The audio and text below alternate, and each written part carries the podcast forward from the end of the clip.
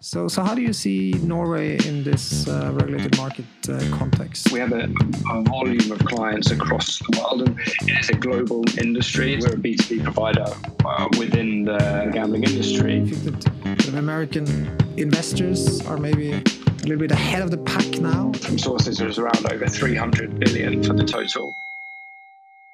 He is the CEO of an international internet gaming, i.e., iGaming company.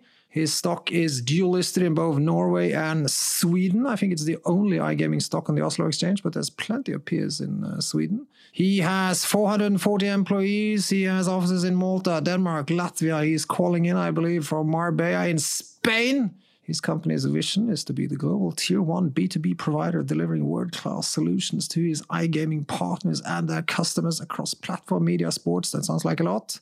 Now, uh, how does it do all that? Welcome to the Arctic podcast studio over Squadcast software. How are you today? Uh, Gig CEO Richard Brown. Thank you very much for having me. Pleasure to be here. So, is it Gig or is it uh, Gaming Innovation Group? Do you use what? What name do you use the most? I think it depends a little bit on the environment. Uh, in more formal occasions, uh, we kind of push on the gaming innovation group, and uh, and more casual uh, conversations then then gig, or at least introduction on gaming innovation group, and then move it over to gig. We're moving over to gig. So uh, let's start a little bit bigger picture, even on iGaming. So, um, Richard, what is your uh, definition of iGaming, and what would you say in terms of size and growth and potential?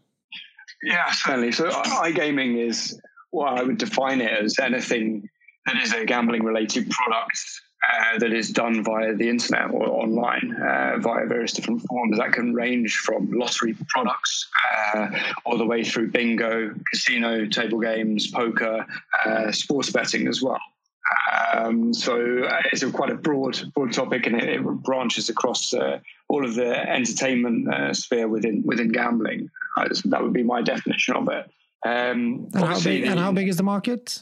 Yeah, it's it's pretty big to be fair. I mean, if we split the, the total gambling market uh, between uh, the last kind of counts I looked at in 2020 from uh, from sources was around over 300 billion for the total gambling uh, market, of which around 65 billion euros. excuse me.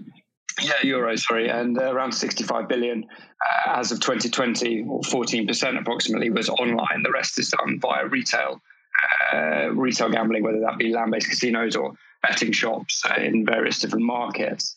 I would anticipate that number has grown probably since 2020 uh, with various different uh, states and countries regulating online gambling, which is, is a real, growth driver. So the US being one of those uh, very large players where they opened up online, and, and, I'm seeing some numbers going around that the online market in in uh, in the US uh, within five to eight years will be pl- uh, around 30 billion in itself. So I would say that uh, significant growth potential across the thing, and uh, the online sector is growing significantly faster than than the retail or land based uh, side of gambling. Um, this is driven out of kind of two areas. Uh, one being uh, the regulation in markets where digital propensity or penetration is high. Uh, the US is a prime example of that, where uh, until recently, online or iGaming has been restricted by federal laws. Uh, that has been revoked now in the last couple of years, and, and a market there which is already high propensity for for digital will accelerate very quickly. And conversely, you have other markets where it's actually the digital propensity of the population that drives the growth. So in emerging markets such as Latin America or or Africa and, and in Eastern Europe and uh, as well. So it varies quite uh, a difference in terms of what the growth drivers are. And they tend to be both either a combination or one or the other of regulation of a certain market or digital propensity within within a population or a nation's market uh, structures. Thank you, Richard. That's an excellent introduction. And obviously, I think that a lot of these uh, companies that have come to the market in the last year, I think it's been 100 IPOs uh, in uh, the Oslo Euronext Growth alone. That's a lot of them have been on the sort of digitalization trend. So it's, it's very much sort of topical. Um, but uh, then we are moving into a little bit more your strategy because uh, if I go into, uh, I forgot, is it gig.com or gaminginnovation.com? Uh, I, there I, I cannot put on a bet myself. Or uh, well, I'm from Norway, so there are specific reasons for that. But even if I was one of our uh, Swedish colleagues or Swedish listeners, I went into gaminginnovation.se. Uh, I, I cannot put on a bet. Uh, why is that, Richard? We're not actually an operator uh, any longer of of the. Um, of uh, iGaming, we are a technical B2B supplier within the business. Historically, we actually had a B2C business as well, um, which was built up very successfully uh, over a period of time. Uh, but um, I've, oh, we came to the decision uh, in the latter part of 2019 that we wanted to focus entirely on the B2B proposition, where we saw a strong value drive and potential for the business. Um, whereas the B2C space was potentially becoming very competitive for kind of mid-size operators with the local uh, re-regulation throughout Europe. Uh, so in, in April 2020, we actually divested our B2C business uh, over to Betsson Group uh, and focused the business there for remaining uh, business entirely on on uh, on just the B2B side. Um, the B2B side itself is actually also very broad. There's a, a huge number of suppliers across the iGaming value chain, ranging from studios who develop slots games entirely, companies that actually provide only trading services or data services within sports betting, uh, infrastructure, etc. So it's a pretty broad structure within the B2B space. So what we focus on is uh, three areas within that, uh, and that is the platform, or often referred to as a player account management system. So the technology that an operator runs their online offering on. Uh, that so it's, the it's, it's, the, it's, the infrastructure that lies behind. So whenever whenever I go into in some random site, and then then obviously when I do the account setup and yeah. Correct, and we do, we're we're the, the that that PAM or platform is is actually the communication device between all of the regulators, it aggregates the various different other game suppliers, content suppliers, uh, slot providers, etc. So that kind of system there congr- congregates. It provides layers of gamification, uh, bonus layers, etc. All those other areas, and through to the front end as well. Uh, of the websites that people are playing on, we can develop all of those and, and that system itself. So it's there as, as kind of a heartbeat in the brain of the actual uh, iGaming system. Uh, then we have um, a sports book as well, uh, which is an extension to a degree uh, of of the PAM, and it's what it's a kind of system that's specific to the sportsbook industry. So that has what we call a betting engine, where where the digital transactions are all ma- managed. Uh, related to sports betting, uh, and then it has a trading uh, and risk management system there as well, which is there for trading teams and risk management teams to manage the odds manage the data feeds and, and manage their risk and, and the, the, various different items there required within sports betting, sports betting operations. And then, then our third part of our business is, is our media business, which is based around an affiliation model where we are building uh, high quality website assets that we uh, launch into various different markets that act as guides uh, to the various different uh, iGaming operators there are. So a kind of uh, uh, hotels.com it would be uh, in the travel industry. The, the websites we build are there for specific for sports betting or specific for lottery specific for for casino and, and for various different markets. And they help guide the user with editorial user reviews etc of, of, where to find the best uh, offers or what new slots are available etc So let's let's talk a little bit about uh, competition and clients because it's some of the same names. So I mean, let's start with the fact that you you you're you know uh, you said mid-size. You're you're a little bit smaller than some of your competitors and, and clients, right?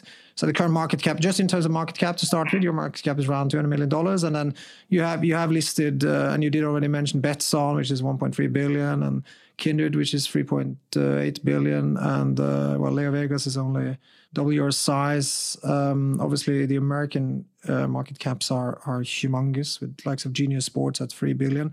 So, so, so how, how does how does how do you see that part being, you know, smaller than your clients? To start with that.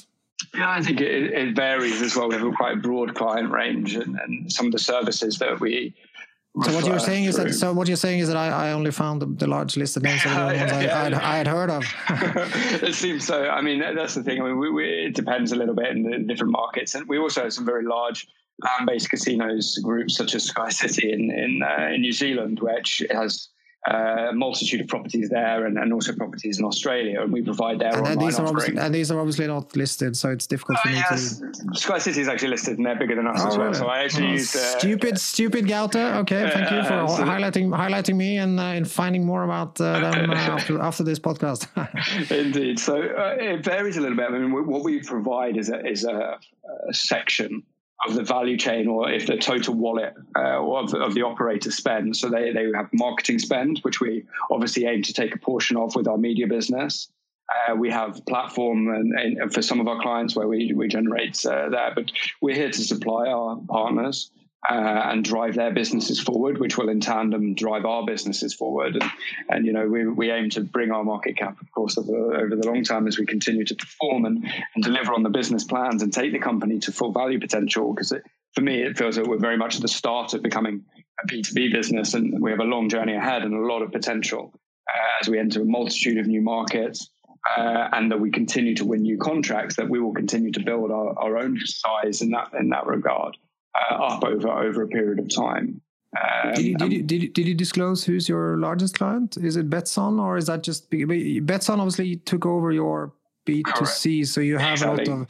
So, so you have a lot Existing. of you, you you mentioned a lot of Betsson in your report in terms yeah. of yeah, but but is is Betsson? Is it safe to assume they're one of your bigger clients then? Yeah, I mean that that would also be transparent if you went back to the yeah. when we had a B2C business, you would be able to identify how much revenue was there as well. So it is one of the larger clients as well. But I've mentioned like yeah, yeah Sky City, which is a really strong uh, client for us as well, and, and we have various others uh, that we built up. And uh, you know, we really like some of the uh, land-based businesses that we've taken or we're taking in or have taken into various different markets that have a really strong proposition locally. Uh, we see that as a really, really good value uh, proposition for, for us and we built the product in that sense as well. So if you walk into a casino that has uh, our online uh, systems as well, uh, for instance, in the US, you go in, you you register at the actual physical casino, you automatically get an online account that would then uh, you can activate with your social security number and you can share loyalty between the retail systems so when they go into the restaurants or the and play on the slots or whatever it may be they get points for online and, and online vice, vice versa. They can move their they have a digital wallet that we can move money from the cage within the casino to online balances and such like that. So the, the consumer there you get a really really strong 360 degree view of that customer's experience. And you can continue to uh, to uh, encourage and, and, work with those uh, kind of customers to give them the best entertainment experience within, gaming as well across both retail and, and uh, the online sphere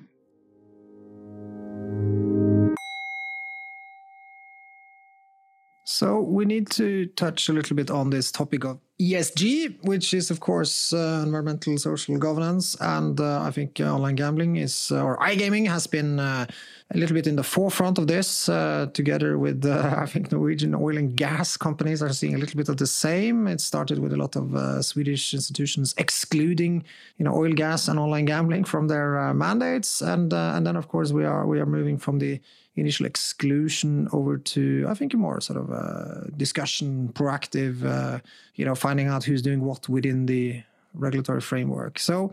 Uh, I notice, of course, on your uh, annual report, you have a very good section on ESG. Um, and uh, then um, uh, you, you, mentioned a lot of topics, such as obviously um, players that have problems playing too much, etc. But I think the most interesting part about ESG, and, and of course, correct me if I'm wrong, but I think this discussion on regulated versus unregulated markets is uh, is, is very interesting.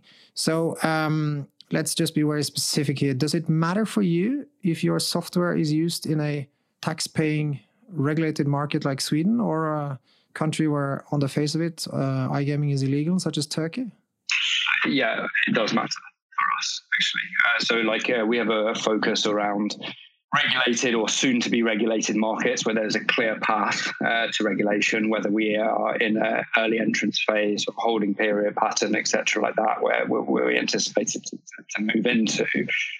Um, we we actually have a, a, multitude of restricted markets that uh, even though we're not the operator and we are providing actually software as a service and, and software, so you know, we don't have that. We actually have a, ex- exclusion list that's pretty extensive uh, in terms of what countries we allow, what we don't, we also can, have one. Can you can you can you disclose any countries? I'm guessing uh, some really bad, uh, or how should I say it? Some uh, I'm, I'm guessing some dictatorships. but can you disclose any? Can you disclose any countries the way you would strictly not operate? Yeah, certainly. So I mean, Turkey uh, is one. There's a multitude. Oh. Um, there's also a multitude that we would even potentially exclude on, on as you say, like high risk AML jurisdictions as well, uh, where we would say, no, we, we're not willing to, although again, we don't hold the funds, we're not willing to process the transactions or, or that's too high risk for us. Um, or, or, we don't believe that that's the, the right thing to do. Uh, so there's actually quite a lot of uh, areas. And also we would, again, there's always a little bit of a debate, I suppose, around uh, EU licensing frameworks, freedom of trade, and, and such like that. Uh, so then, but in markets where there's a clear local regulation structure, which is compliant with EU laws, then, then of course we would require people to. Um, so Sweden, as an example, like if somebody wants to operate in Sweden, we they must provide us with their their their um, their license tax, tax, tax paying code yeah because, yeah, yeah, well, yeah, they need to have their license from the from the SJ. I mean the other thing is that obviously game, the, the, reputable suppliers that we integrate into our payment uh, structures wouldn't wouldn't necessarily take those clients either. So in that way, but uh, yeah, so we're we're quite stringent on on that regard. Um, so I, so I what, what what no so so where where where, where do you where do you, where do you see my home country and the home country of your listing? Where do you see Norway in this? Because it's it's a weird situation. On the one hand, I was out with some friends the other week, and uh, they wanted to put in um, some bets on the Premier League start, and they were discussing internally: is it is it possible to do this manually, or is it only online? That was like because obviously we're a very digitalized country, right? And on the other hand, uh, I believe the wording is that marketing anyone but the state monopoly Norsk Tipping is illegal. So, so how do you see Norway in this uh, regulated market uh, context, uh, Richard? Uh, it's probably uh, people who are smarter than me and, and more well informed around the specifics of the EU laws around uh, EU, EU and obviously the economic area that Norway is therefore part of as well, and, and freedom of trade, and etc. And, and uh, that uh, there is EU companies that should, uh, should be able to supply into the Norwegian market. And I, I, think also then conversely as well, you would look at markets where um, you have state monopolies and on where, where monopolies are, you can question mark around their legality within the economic frameworks that we work in, both within the EEA and within the European Union. So there's uh, some points there that are probably very broad on discussion points and, and uh, will depend on people's points of views, as, as often these legal issues do. Um, that being said, I think one of the things that I would move the conversation towards actually is what role does the, the governments and, and states have to protect um, and have the markets that they should have and, and within a free free economic uh, environment. Uh, and the question mark is: Are state-run entities better at preventing or uh, providing solutions towards responsible gambling than private businesses?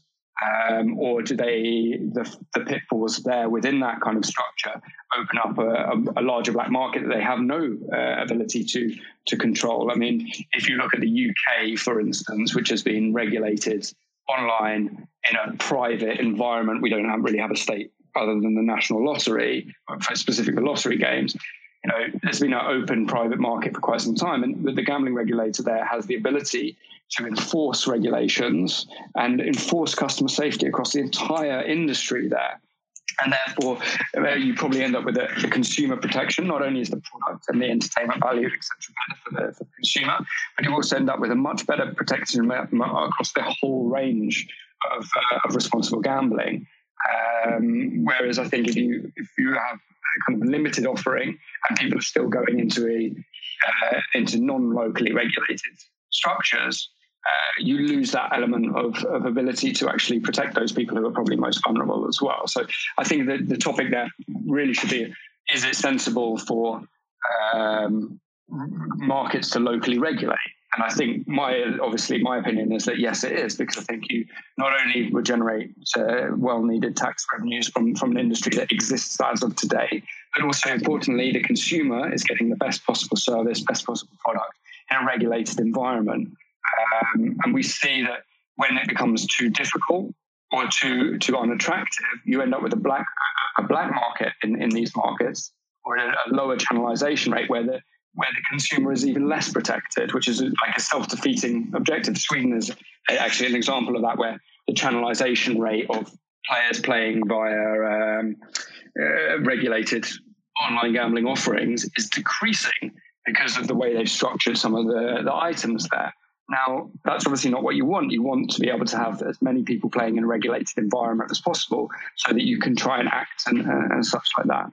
I actually read just a study before this, uh, around like percentages in, in different countries of of uh, problem problem gambling, which is such an important thing that we need to take uh, real real care towards. And we we as Gig provide a huge amount of systems. A, we develop AI systems to help uh, people identify early early risks and such like that. And if, if you're kind of not so focused on that, like I'm not sure if all the, the, the state companies or if you outlaw it completely, we have um, such a focus on that because we work in these regulated markets to be able to provide a plethora of AI technology, data tools, customer interactions. We have our own player safety team that helps guide our customers. Although we're not responsible for the customers because it's not, we're just providing the software. We actually have a team there to help guide our customers how to interact with players, how to safely work with them, how to identify problem gambling early.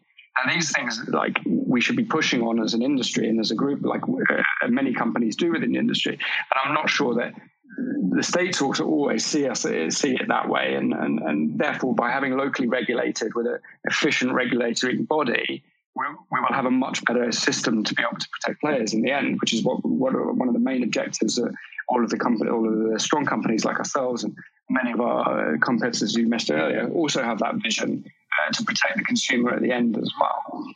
Um, so, so I want to make sure that that's there. No, no, I, I appreciate that one, and, and and let's let's look a little bit more on your shareholder registry because you have some, uh, well, at least one very premier Swedish institution, Swedbank Robur Ny Teknik. According to your homepage, they own 4.6 percent of your shares.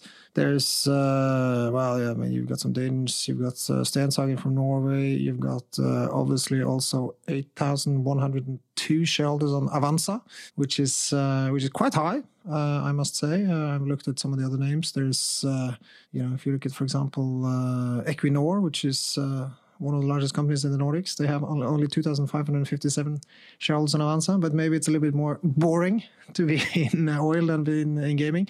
But can you elaborate a little bit on the discussions that you're having with your shareholders on the ESG topic and, and how that's, that has maybe changed a little bit. I, I, I appreciate you said some of this before. So if it's but anything we missed in terms of you know when we're moving then from the well Sweden obviously I've yeah, it's been a fairly successful regulation model. And then when you and other companies are moving quite actively towards, you know, actually wanting more regulation, can you can you elaborate a little bit more on how you're seeing, uh, you know, are, are you seeing then people that maybe excluded gaming in the past now possibly coming back to consider investing in gaming, maybe with new sort of ESG teams? Is, that is that a pattern you think, Richard?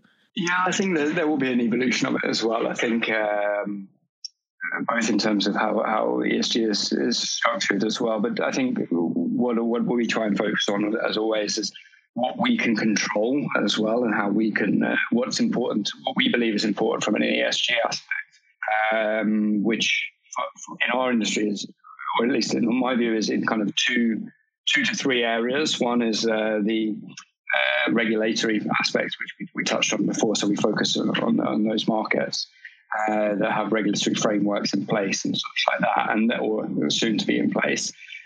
Um, and then we also have uh, the responsible gambling part, which is as I said, like really important both to us and also the types of clients that we want to have. We want it to be important to them as well. So we work a lot about educating our, our shareholders about what we can do to provide our clients with really strong tools uh, to provide a really st- a strong, safe environment.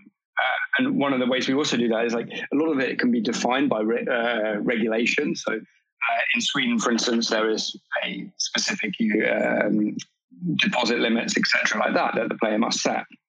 We also see in, in other markets really strong uh, deposit limits is a really really good thing. So then we can offer that to a multitude of markets as well. We can also take where we are elsewhere in the market. So in, in Argentina, for instance, which we're, we're, we're launching into in the latter part of this year, um, they have something about excluding certain game types. Now that's not in the regulation in Sweden. And what we can do as we build the platform to there is actually then offer that to clients as well, because it's actually if, if somebody feels that they don't want to play or uh, blackjack, for instance, then they, then they will be able to exclude that on our systems as well. So we can continue to evolve and build up through uh, our, our, uh, our, portfolio of products that we, we, focus on around that.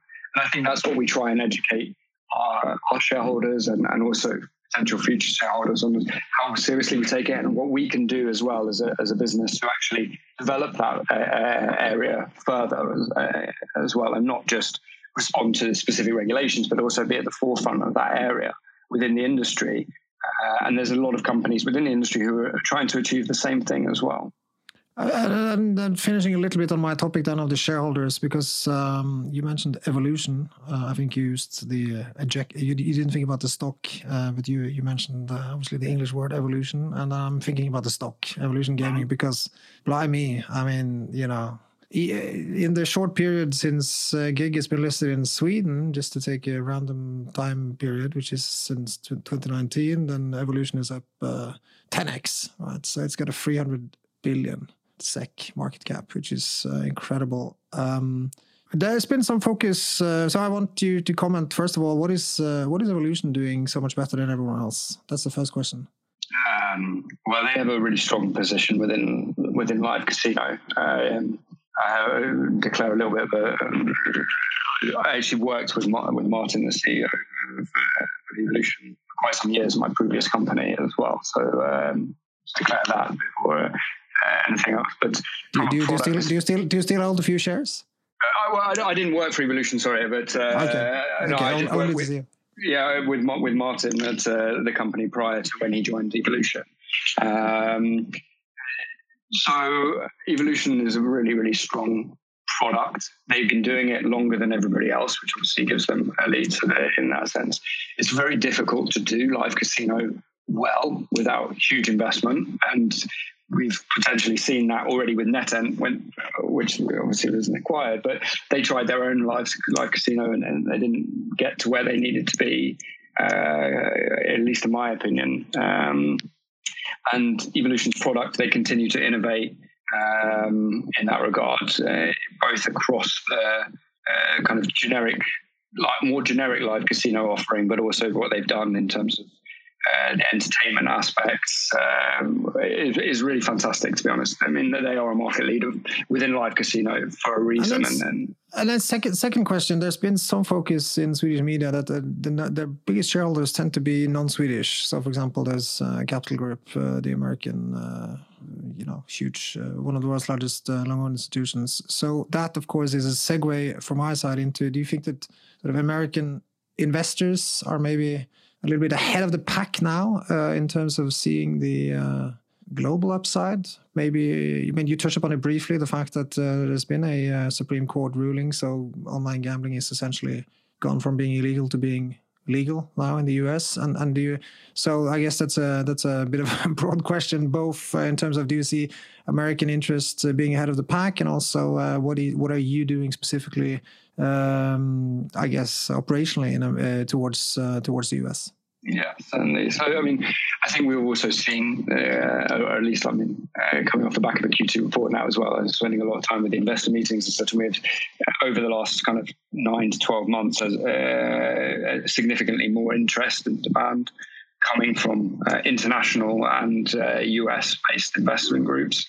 Uh, so there was definitely a significant uptick there comparatively to where it was maybe a couple of years ago as, as it becomes a, more and more companies both listed there, but also the online space has become it starts to open up just in the mentality of, uh, of how that market dynamics work, and as various states are now expanding uh, there. So I think we've seen an increased demand and, and an interest uh, consistently from from those kind of international and US specific markets for, for gigs.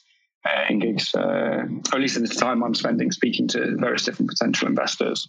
Uh, and, then, and, then, and, then, operationally, are you yeah, selling to more US yeah. land-based casinos? So, so we've actually been live in the US for three years in New Jersey and in Iowa, uh, and um, we have signed an additional contract now in January uh, with a company that's entering New Jersey and Pennsylvania. So uh, we focus a little bit more on the casino side uh, than on the sports betting side in the US uh, which the state by state kind of legislation is rolling out a little bit slower than in sports betting.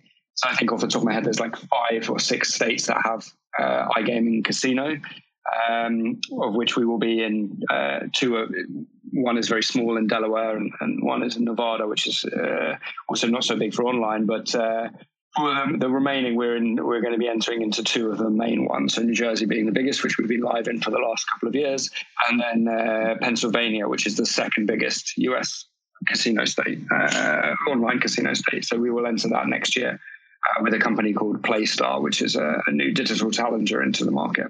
And do you then uh, expect US to be your biggest market in the future, or one of the bigger markets? Um, I, I, think uh, we're also quite excited because Ontario is also regulating now this year. Uh, so let's say let's say North America then. Yeah, I think North America eventually can be a very strong market for us. But as I kind of alluded to at the beginning as well, like we have a, a volume of clients across the world, and the way I see the the way we see the industry as well is that it is a global industry. It's not there is a lot of value to be derived in smaller markets or smaller potential markets uh, because the barrier to entry or the cost of entry is lower, or or if there's ring fenced. Um, so, for instance, we went live last year with a client in Croatia where you need to have a land based license uh, to get an online license. There are only seven licenses available, so that means that there's a, comparatively there's a, a, much smaller portion of competition there. So, securing in those markets can be really highly valuable. Uh, so, I see it as a, a different as a very much a global space that we're attacking uh, at different stages. Uh, I mentioned SkyCity a couple of times. You know, New Zealand uh, and Australasia is, is, a huge potential market uh, that we think that we will be able to to support strongly there as, as, as that markets continue to regulate. Um, so I think there are a multitude of options, and, and, and, we attack it both in the sales pipeline and the development pipeline towards different markets, uh, and with our media assets as well. Um, so in, in that kind of broad sense, we see a very much a global approach to it. Of course, North America will be a large market um, for for the industry, just given its nature uh, and size and propensity towards the, the space as well. So you you make uh, more money from the media side than the platform side at the moment. Correct.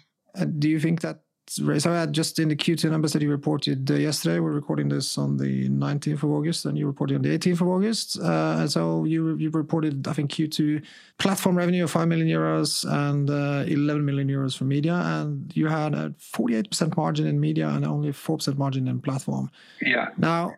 Yeah. Okay. You you want to comment on? Yeah. How, yeah. I mean, they're all, all, the businesses themselves are slightly different. Uh, kind of life cycles, if, if you will. Like the, the media business has built up significant scale over the last uh, the last kind of five five years or so, and we built that up uh, in in various ways, but a combination of organic and we made some acquisitions back in 2018 uh, as well.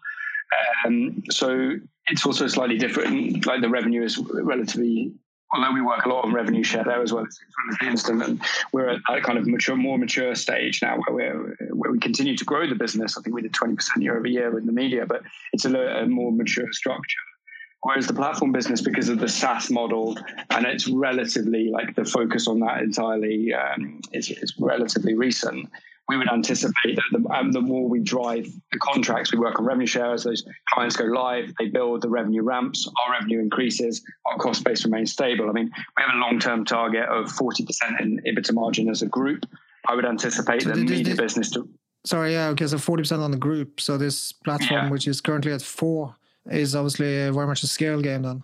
Yeah, exactly. So we were- if we say that the media business will retain approximately the same EBITDA margins, then the uh, the platform business will continue to ramp and scale as we enter new markets, as we enter the clients that we sign, uh, new clients that we sign continue to grow, we onboard more customers, etc., like that, and the cost base remains relatively stable, and the, the the margin expansion and target that we have within the group, so that expansion target is driven from the from the platform uh, area of the business. Yeah, and I guess obviously the market will obviously appreciate the software as a service business, generally speaking, on high multiples. And uh, the market uh, obviously keeps changing its mind, but um, there are some people would say that uh, you know some of your clients.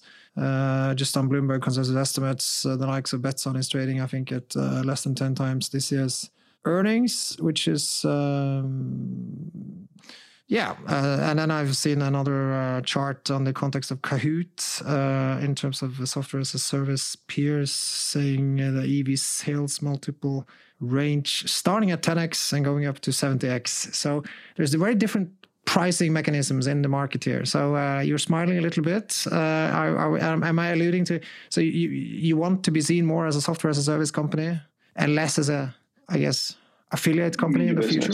Yeah, I'm not sure. Like the, we we see ourselves, or at least the way I see it, is that uh, we're a B two B provider uh, within the within the gambling industry. Now, a multitude of other B two B providers provide uh, platform and slots games, uh, content studios, for instance. Uh, that's not something we do. We do media part of it, which is such an important part of the value chain within the, the whole gambling offering. Uh, and, and the offering that we have to our customers, and customer acquisition remains one of the highest priorities within the industry. Uh, so by positioning ourselves in there, um, I think uh, we have a really strong financial aspect towards the business as well.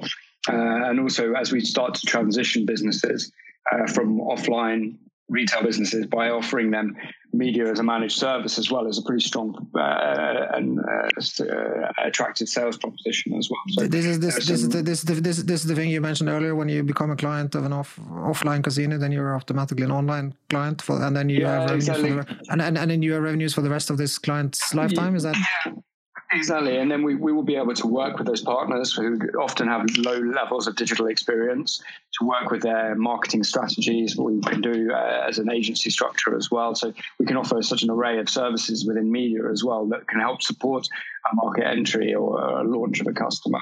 And as I said, like it's, it's very valuable. And I think like also maybe sometimes the valuations of uh, some of the media businesses are also quite high as well. Uh, or high, but they're good, good levels. yeah? I just I just So I just I, think just looked at that. So remains is- very attractive as well. Be- better better Better Collective trading on a Bloomberg consensus uh, PE of 23. So that's obviously 2x uh, or more than more than twice uh, the uh, the operator multiple. All right. Uh, so we're rounding off. Um, uh, Richard, we very much appreciate uh, your uh, taking the time and explaining us more on your efforts within the, the iGaming space. Do you have a sort of a, a, a, a grand vision or a hope, or do you have sort of a, a thing that you're really excited about for, for this year? Is it one market that you're hoping will be regulated? Uh, is it Norway, uh, or uh, is it? Uh, or is it, is, is it? Do you have like one thing that we should really pay close attention to, rather than obviously the uh, ongoing business? Is there? Uh, I'm I'm not necessarily sure it's one specific. Actually, I think it's like a, a, a conglomerate or a multitude of some of the markets that are regulating, uh, and the, the work that we continue to push towards. Uh, I think Canada actually, or Ontario uh, in particular, be going uh, into uh, on regulating online is, is very interesting to us, uh, and we continue to focus on on a, multitude of global clients. So that kind of continued path of regulatory development, we're quite excited about on a, on a, on a broader scale. Uh, and we've we've built up. We had a very uh, we've had a successful 12 months in terms of sales uh, and onboarding. So we're starting to get into a period where we're launching quite a lot of customers over the last couple of months and, and into the next couple of months uh, that we're very excited about as well. GiG CEO Richard Brown, thank you very much for spreading your positive energy in the Arctic podcasts. We wish you all the best of luck. Thank you very much, everyone. Thank you. This podcast has been prepared by Arctic for information purposes only. The information, opinions, and recommendations presented in this podcast are for general information only, and any reliance on the information provided in this podcast is done at your own risk. This podcast should not be considered professional advice. The information provided in this podcast is not intended to constitute investment advice, nor is the information intended as an offer or solicitation for the purchase or sale of any financial instrument. Relevant and specific professional advice should always be obtained before making any investment or credit decision. It is important to note that past performance is not indicative of future results. This podcast does not fulfill the criteria for preparing investment research and must be seen as marketing material. All information information submitted during this podcast is obtained from public sources that Arctic believes to be reliable, but which Arctic has not independently verified. Arctic makes no guarantee, representation, or warranty as to its accuracy or completeness. No liability whatsoever is accepted for any direct or indirect, including consequential, loss or expense arising from the use of information from this podcast.